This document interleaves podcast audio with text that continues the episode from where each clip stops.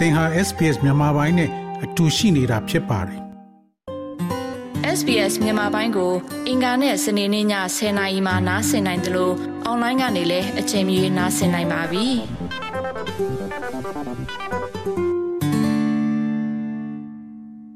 ဒေါ်ဆန်းစုကြည်ခင်ဗျာအခုလိုကျွန်တော်တို့ SBS Radio မြန်မာပိုင်းအစီအစဉ်ကနေအခုလို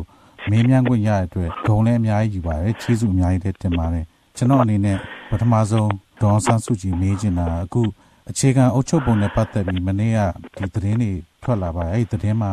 ပါလာတော့အခြေခံအုပ်ချုပ်ပုံဥပဒေရနောက်ရွေးကောက်ပွဲမှာဝင်ရောက်ရွေးခံရမယ့်လူကအမိဘနှစ်ပါးမြန်မာနိုင်ငံသားဖြစ်ရမယ်နောက်တခြားနိုင်ငံခုရဲ့ဒီခံစား권တွေမရှိရဘူးလို့ပြောတာအဲ့ဒါဟုတ်ပါလား ဟုတ်ပါပေါ့ကျမလည်းသိပြီးတော့ဒီအခုဖွဲ့စည်းပုံအခြေခံစီစီမင်းဥပဒေမှာစိတ်ဝင်စားမှုမရှိပါဘူးဒါဟာပြည်သူလူထုရဲ့ထောက်ခံမှုမရှိတဲ့အမျိုးသားညီလာခံကျင်းပနေတဲ့ဖွဲ့စည်းပုံအခြေခံဥပဒေဆိုတာတော့တိတ်အတိတ်ပဲတော့မရှိပါဘူးအဲ့ဒီအခြေခံအုပ်ချုပ်ပုံဥပဒေမှာလည်းဒီစစ်တပ်ကနေပြီး25ရာခိုင်နှုန်းကိုသူတို့ကင်ထားမယ်ပြောတယ်တကယ်တော့85ရာခိုင်နှုန်းကပြည်သူလူထုကကင်ထားမယ်ဆိုရင်သူတို့အနေနဲ့ဒီသူတို့လှုပ်ချင်တိုင်းလှုပ်လို့ရမယ်လို့ထင်ပါလား ဒီဟာဟာဘယ်ရာခိုင်နှုန်းဘာရာခိုင်နှုန်းကိုပြောနေတာမဟုတ်ပါဘူးကျမတို့ရဲ့မူအရတော့ဖွဲ့စည်းပုံအခြေခံဥပဒေဆိုတာဟာပြည်သူလူထုရဲ့ဆန္ဒကိုထင်ဟပ်တဲ့စစ်မှန်တဲ့အမျိုးသားညီလာခံမှာသာဆွဲရမယ့်ကိစ္စတစ်ခုဖြစ်ပါတယ်ရာဂိုင်နှုန်းဘယ်လောက်ရှိတယ်ဘယ်လောက်ရှိတယ်ဆိုတာအဓိကမဟုတ်ပါဘူးအဓိကကတော့ပြည်သူလူထုရဲ့ဆန္ဒနဲ့ကိုက်ညီပြီးတော့ပြည်သူလူထုကမိမိတို့ရဲ့ဟိုဆန္ဒအရာရည်ညွှန်းနိုင်တဲ့ထိမ့်သိမ်းသွားနိုင်တဲ့အမျိုးသားညီလာခံတစ်ခုအနေသာထွက်ပေါ်လာမှာဖြစ်ပါတယ် အခုလောဆယ်ကျွန်တော်တို့တိုင်းပြည်မှာဖြစ်နေတဲ့ဥစ္စာကျွန်တော်ဒေါ်ဆန်းစုကြည်နဲ့ပြည်သူလူထုကတစ်ဖက်စစ်တပ်ကလည်းသူတို့လက်နဲ့အပြည့်စုံနဲ့တစ်ဖက်အခုပြည်သူလူထုနဲ့ဒေါ်လကောင်ဒေါ်ဆန်းစုကြည်နဲ့ဒေါ်လကောင်စကားပြောဖို့ညင်းဆိုနေတယ်ဒီလိုအခြေအနေမျိုးပဲဆက်ဖြစ်သွားမလားမဟုတ်ဘဲနဲ့ရှေ့မှာဘာများဖြစ်လာနိုင်မလဲဆိုတာဒေါ်ဆန်းစုကြည်နဲ့လို့ထင်ပါတယ် ကျမတို့ကမ္ဘာသမိုင်းကိုလေ့လာလိုက်လို့ရှိလို့ရှိရင်ဒီလိုပြဿနာတွေကနောက်ဆုံးတော့ဆွေးနွေးခြင်းနဲ့ပဲညီကုန်းချုပ်ရတာပဲအဲ့တော့တော့တနေ့မဟုတ်တနေ့တော့ဆွေးနွေးရမှာပါပဲဒါပေမဲ့ဆွေးနွေးမှုဖြစ်ပေါ်လို့ပို့ကြာလေးလေးနိုင်တိုင်းပြည်ကတော့နားလေးလေးပေါ့အဲ့တော့တိုင်းပြည်ပေါ်မှာစေတနာရှိတယ်ဆိုရင်တော့ဆွေးနွေးမှုကိုအများဆုံးလုပ်ဖို့လိုပါတယ်နောက်တစ်ခုကဒီဒီအခုလောဆယ်မှာဖြစ်နေတာစစ်တပ်ကသူတို့မှာအားလုံးဒီပတ်စံနေရောပါရောအကုန်လုံးသူတို့ဘက်ကတော့အကုန်ပြည့်စုံနေပြီးတော့ပြည်သူလူထုဘက်မှာစားဝတ်နေရအတော်လေး ခက်ခဲနေတော့ဒီလိုအခြေအနေတိုင်းသာဆက်သွားမယ်ဆိုရင်ပြည်သူလူထုကတရက်မခံရနိုင်လို့ပြဿနာဖြစ်လာမယ်ဆိုလို့ရှိရင်ဒေါ်ဆန်းစုကြည်အနေနဲ့ဘယ်လိုရပ်တည်မလဲမသိဘူးကျမတို့အမှန်တရားဘက်ကပဲရပ်တည်မှာပဲပြည်သူလူထုဘက်ကနေပြီးတော့အနစ်နာနစ်နာနေတယ်ဆိုလို့ရှိရင်တော့ပြည်သူလူထုဘက်ကနေပြီးတော့ရပ်တည်မှာပေါ့ဒါပေမဲ့လည်းကျမကဒီလိုပြောခြင်းအပြင်ဟိုတယောက်နဲ့တယောက်ပေါ်တယောက် ဟိုအာအာဂါဒထားတဲ့စိတ်တွေကိုတော့ကျွန်မဘယ်လို့မှအားမပေးနိုင်ဘူးအခုအချိန်นี้မှာတချို့တွေကအင်မတန်မှချမ်းသာကြွယ်ဝနေပြီးတော့တော်တော်များများအင်မတန်ဆင်းရဲနေတယ်ဆိုတာကတော့ကျွန်တော်တို့နိုင်ငံမှာလူမှုရေးမတည်မငြိမ်ဖြစ်အောင်လို့တွန်းအားပေးနေတာ ਨੇ တူတူပါပဲအဲ့တော့ဒီအန်ဒီရီရှိတယ်ဆိုတာတော့အမှန်ပါပဲအန်ဒီရီကိုမြင်ရဲ့သားနဲ့ဒီအန်ဒီရီဟာပောက်ကွဲတဲ့အဆင့်ထိမရောက်အောင်ကာကွယ်ဖို့မလုပ်ဘူးဆိုလို့ရှိရင်တော့တာဝန်မဲ့ရရောက်မယ်လို့ကျွန်တော်တို့ကတော့ထင်ပါတယ် ဟုတ်ကဲ့ပြန်နောက်တစ်ခုကျွန်တော်တို့ပြန်ကြည့်မယ်ဆိုလို့ရှိရင်တကယ်လို့ကျွန်တော်တို့ဒီမိုကရေစီရပြီဆိုရှင်အခုကျွန်တော်တို့တိုင်းပြည်မှာပညာရေးအခြေအနေကအတော်လေးအခြေအနေဆိုးနေပါတယ်ကျွန်တော်တို့တိုင်းပြည်ကိုဒီအခုအောင်လာမဲ့လူတွေနဲ့ဘလို့ပြန်ထီထောင်နိုင်မလဲလို့ဒေါ်ဆန်းစုကြည်အနေနဲ့မြင်ပါတယ်ကျမတို့ကတော့ဒီဒီမိုကရေစီရတာနဲ့ပြဿနာတွေအားလုံး ဟိုပျောက်သွားမယ်လို့ကျမတို့ဒီလိုစိတ်ထဲမှာမထားပါဘူးအဲ့လိုကျမတို့စိတ်ထဲမှာထားတယ်လို့လည်းတချို့ကထင်နေလို့ရှိရင်မှားပါလိမ့်မယ်ရုန်းကန်ရမယ်ဆိုတာတော့သိပါတယ်ဒါပေမဲ့ဦးကျော်ထွန်းအောင်ပြောတဲ့အတိုင်းပဲတိတ်အရေးကြီးတဲ့ကိစ္စကတော့ပညာရေးကိစ္စပါပဲကျမတို့ပညာရေးကိစ္စကိုတော့ဦးစားပေးပြီးတော့ကင်တွယ်ရမှာပေါ့ဒါကျမတို့ရဲ့မြို့သားဒီမိုကရေစီအဖွဲ့ချုပ်အနေနဲ့ပညာရေးနဲ့ပတ်သက်လို့ချထားပြီးသားမူတွေလည်းရှိပါတယ်ဟိုးကျမတို့စပြီးတော့1988ခုနှစ်တည်းကမူတွေချထားတာရှိပါတယ် ဒါပေမဲ့ကျမတို့ယုံကြည်ချက်ကတော့ဘာပဲလုပ်လို့ပညာရှင်များဒီသက်ဆိုင်ရာဝန်ထမ်းများသက်ဆိုင်ရာဆရာဆရာမများနဲ့အားလုံးတိုင်ပင်ညှိနှိုင်းပြီးတော့ပြည်သူလူထုရဲ့ဆန္ဒကိုလည်းနားဆွင့်ပြီးတော့မှလုပ်ရမယ်ဆိုတာယုံကြည်ပါတယ်ဒီတော့ကျမတို့မှာဘယ်လိုဒီပညာရေးစနစ်ကိုပြန်ကောင်းလာအောင်လို့ထူထောင်ရမယ်ဆိုတော့ကျမတို့ရဲ့ကျမတို့ရဲ့ယုံကြည်ချက်တွေရှိပေမဲ့လည်းကျမတို့ကဒီမိုကရေစီအစိုးရဖြစ်လာလို့ရှိရင်ပြည်သူလူထုရဲ့အသံကိုနားထောင်ပြီးတော့တကယ်ပဲနားလေတဲ့ ပညာတတ်တွေတကယ်ပဲနားလေတဲ့ဝန်ထမ်းတွေနဲ့ဆွေးနွေးပြီးမှစီမံကိန်းချမှာဖြစ်ပါတယ်နောက်တစ်ခုကဒေါအောင်ဆန်းစုကြည်ကျွန်တော်တို့မြင်တာတော့ပေါ့ဒီလူထုအကျင့်စာရိတ္တနဲ့ပတ်သက်ပြီးတော့ကျွန်တော်တို့မြန်မာလူမျိုးအတော်များများအကျင့်စာရိတ္တ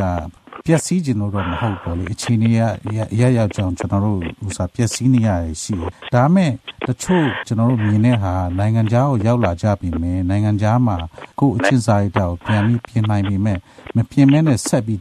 ရှိသွားတယ်တွေ့ရပါတယ်တကယ်လို့ကျွန်တော်တိုင်းပြည်မှာဒီမိုကရေစီရပြီဆိုလို့ရှိရင်ဒီလူတွေရဲ့အချင်းစာရိတ္တကိုပြန်မျိုးပေါ့လေအဖတ်ဆဲလို့ကတော်တော်နဲ့လွယ်ကူနိုင်မှာမလားလွယ်ကူနိုင်မှာတော့မဟုတ်ပါဘူးဒါပေမဲ့လည်းကျမတို့နိုင်ငံသူနိုင်ငံသားများ ဟိုအကျင့်စာရိတ္တပြည့်ရတဲ့ကိစ္စအဓိကကိစ္စတစ်ခုကတော့အာဂတိလိုက်စားမှုဖြစ်လို့ပါပဲဒီလိုအကြီးအကဲများအာဂတိလိုက်စားတယ်ဆိုတော့ဆိုတဲ့အခါကျတော့ပြည်သူလူထုကလည်းအကျင့်စာရိတ္တပြတ်တာပေါ့ဒီတော့အာဂတိမလိုက်စားနိုင်အောင်လို့အစိုးရအနေနဲ့မမှန်မကန်နာကိုမလုံနိုင်အောင်လို့ထိမ့်သိမ်းထားတဲ့စနစ်အောက်မှာဆိုလို့ရှိရင်အစိုးရနဲ့နိုင်ငံတော်ဝန်ထမ်းများကအကျင့်စာရိတ္တကောင်းလာတဲ့အခါကျပြည်သူလူထုကလည်းအကျင့်စာရိတ္တ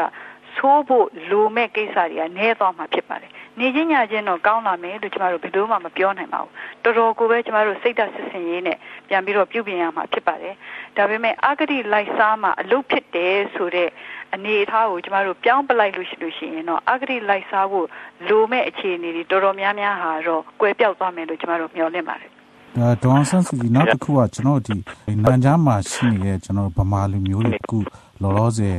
တိုင်းပြည်မှာဖြစ်ပျက်နေတဲ့အခြေအနေကိုအခွင့်အရေးယူပြီးဗမာပြည်မှာပြန်ပြီးစီးပွားလုပ်နေကြတဲ့လူတွေရောဒေါန်ဆန်းစုကြည်အနေနဲ့ဗာများမှာကြားခြင်းပါကျမတို့ကျမတို့နိုင်ငံရဲ့ရေရှည်အကျိုးကိုကြည့်စီချင်ပါတယ်အဲလူသိက္ခာဆိုတာရှိပါတယ်ပိုက်ဆံနောက်လိုက်တဲ့လူဟာသိက္ခာကြတတ်ပါတယ်ပိုက်ဆံနောက်တန်းတန်းဆွဲလိုက်တယ်ဆိုလို့ရှိရင်ပိုက်ဆံရဲ့တန်ဖိုးသာသိပြီးတော့ လူသားများရဲ့တန်ဖိုးကိုမေ့သွားတတ်ပါတယ်ဒါကြောင့်မလို့ပိုက်ဆံရရင်ပြီးရောစီးပွားဖြစ်ရင်ပြီးရောဘယ်သူနဲ့ဘယ်လိုပဲလုပ်ရလုပ်ရဆိုတဲ့စိတ်ဓာတ်တွေကိုတော့ဖြောက်ကွယ်အောင်လုပ်ဖို့ကျွန်မတိုက်တွန်းချင်ပါတယ်။ဘာဖြစ်လို့လဲဆိုတော့နိုင်ငံခြားမှာရောက်နေတဲ့မြန်မာလူမျိုးတွေဆိုတာဟာငတ်နေတဲ့လူတွေအင်တာမနေပါတယ်မရှိပါဘူး။ငတ်နေလို့ရှိလို့ရှိရင်လည်းရောက်နေနိုင်မှာမဟုတ်ပါဘူး။ဒီတော့မိမိတို့ဘဝဖူလုံမှုရှိရသားနဲ့အမှန်တရားဘက်ကနေပြီးတော့မယက်တီပဲနဲ့ပိုက်ဆံတော့လိုက်တယ်ဆိုတာဟာမိမိတို့ရဲ့ဂုဏ်သိက္ခာလေးအင်တာမလည်းကြာဆင်းနေ။ နောက်ပြီးတော့လည်းကျမတို့နိုင်ငံအတွက်လည်းအင်မတန်မှဟိုညှိုးနှွမ်းစရာကိစ္စဖြစ်ပါတယ်ဒီတော့ဒီလို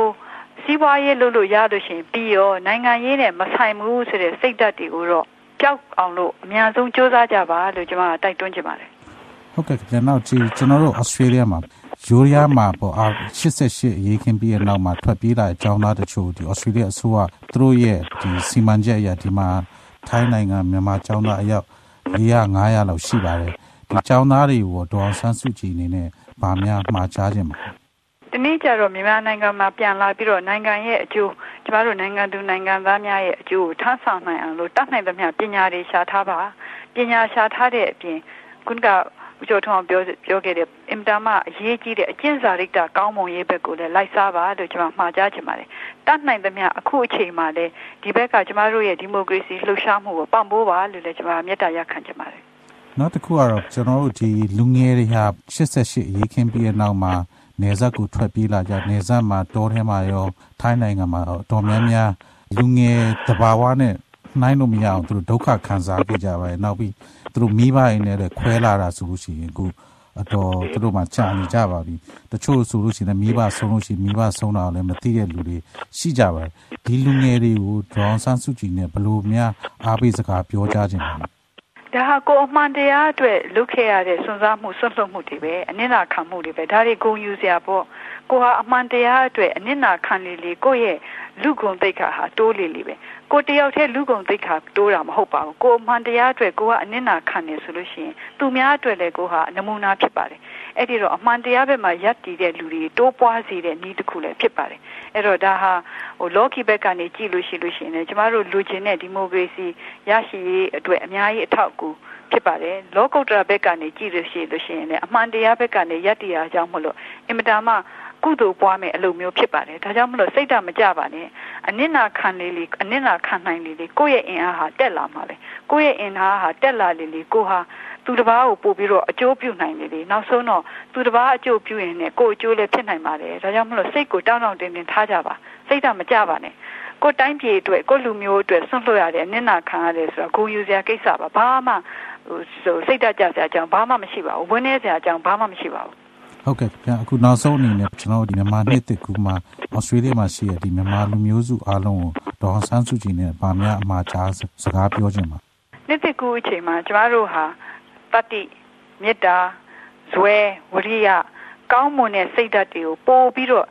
တစ္ဆန်းပြီးတော့ပို့ပြီးတော့ရှင်သန်လာအောင်လို့ကြိုးစားကြပါလို့ကျွန်မတိုက်တွန်းချင်ပါတယ်။နှစ်သက်ကူမှာကျမတို့လူချင်းတဲ့ပန်းတိုင်ကိုအများဆုံးရောက်ရှိဖို့အတွက်အားသစ်မန်တဲ့အင်အားသစ်တွေနဲ့တခါလေကျမတို့ဆက်ပြီးတော့ကြိုးစားဖို့အားလုံးကနေပြီးတော့တန်တိတ်ထန်ချကြပါလို့လည်းကျမကနေပြီးတော့မေတ္တာရက်ခံချင်ပါတယ်ဟုတ်ကဲ့ခင်ဗျာဒေါ်ဆန်းစုကြည်အခုလို SPS Radio မြန်မာပိုင်းစီစဉ်နဲ့ဆွေးနွေးခွင့်ပေးရတဲ့အတွက်ကျေးဇူးအများကြီးတင်ပါတယ် SBS မြန်မာပိုင်းကို အင်ကာနဲ့စနေနေ့ည10:00နာရီမှနားဆင်နိုင်ပါတယ်။နားဆင်နိုင်တဲ့နည်းလမ်းအများကြီးရှိပါတယ်။ Radio Digital TV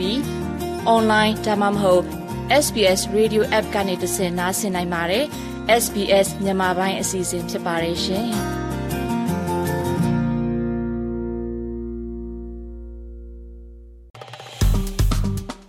SPS မြန်မာပိုင်းကို Facebook ပေါ်မှာ like ရှာပြီး like မျှဝေမှတ်ချက်ပေးပါ